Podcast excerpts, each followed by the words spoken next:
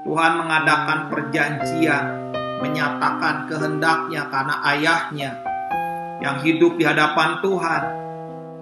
Dan Abimelek melihat bagaimana Tuhan sendiri yang menyertai dan memberkati. Itu yang membuat Abimelek mau gak mau terpaksa harus mengakuinya dan membuat perjanjian.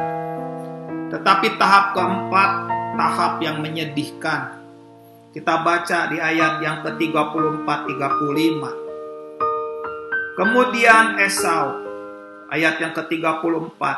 Ketika Esau telah berumur 40 tahun, yang mengambil Yudit anak Beri orang Het dan Basmat anak Elon orang Het menjadi istrinya. Kedua perempuan itu menimbulkan kepedihan hati bagi Ishak dan bagi Ribkah.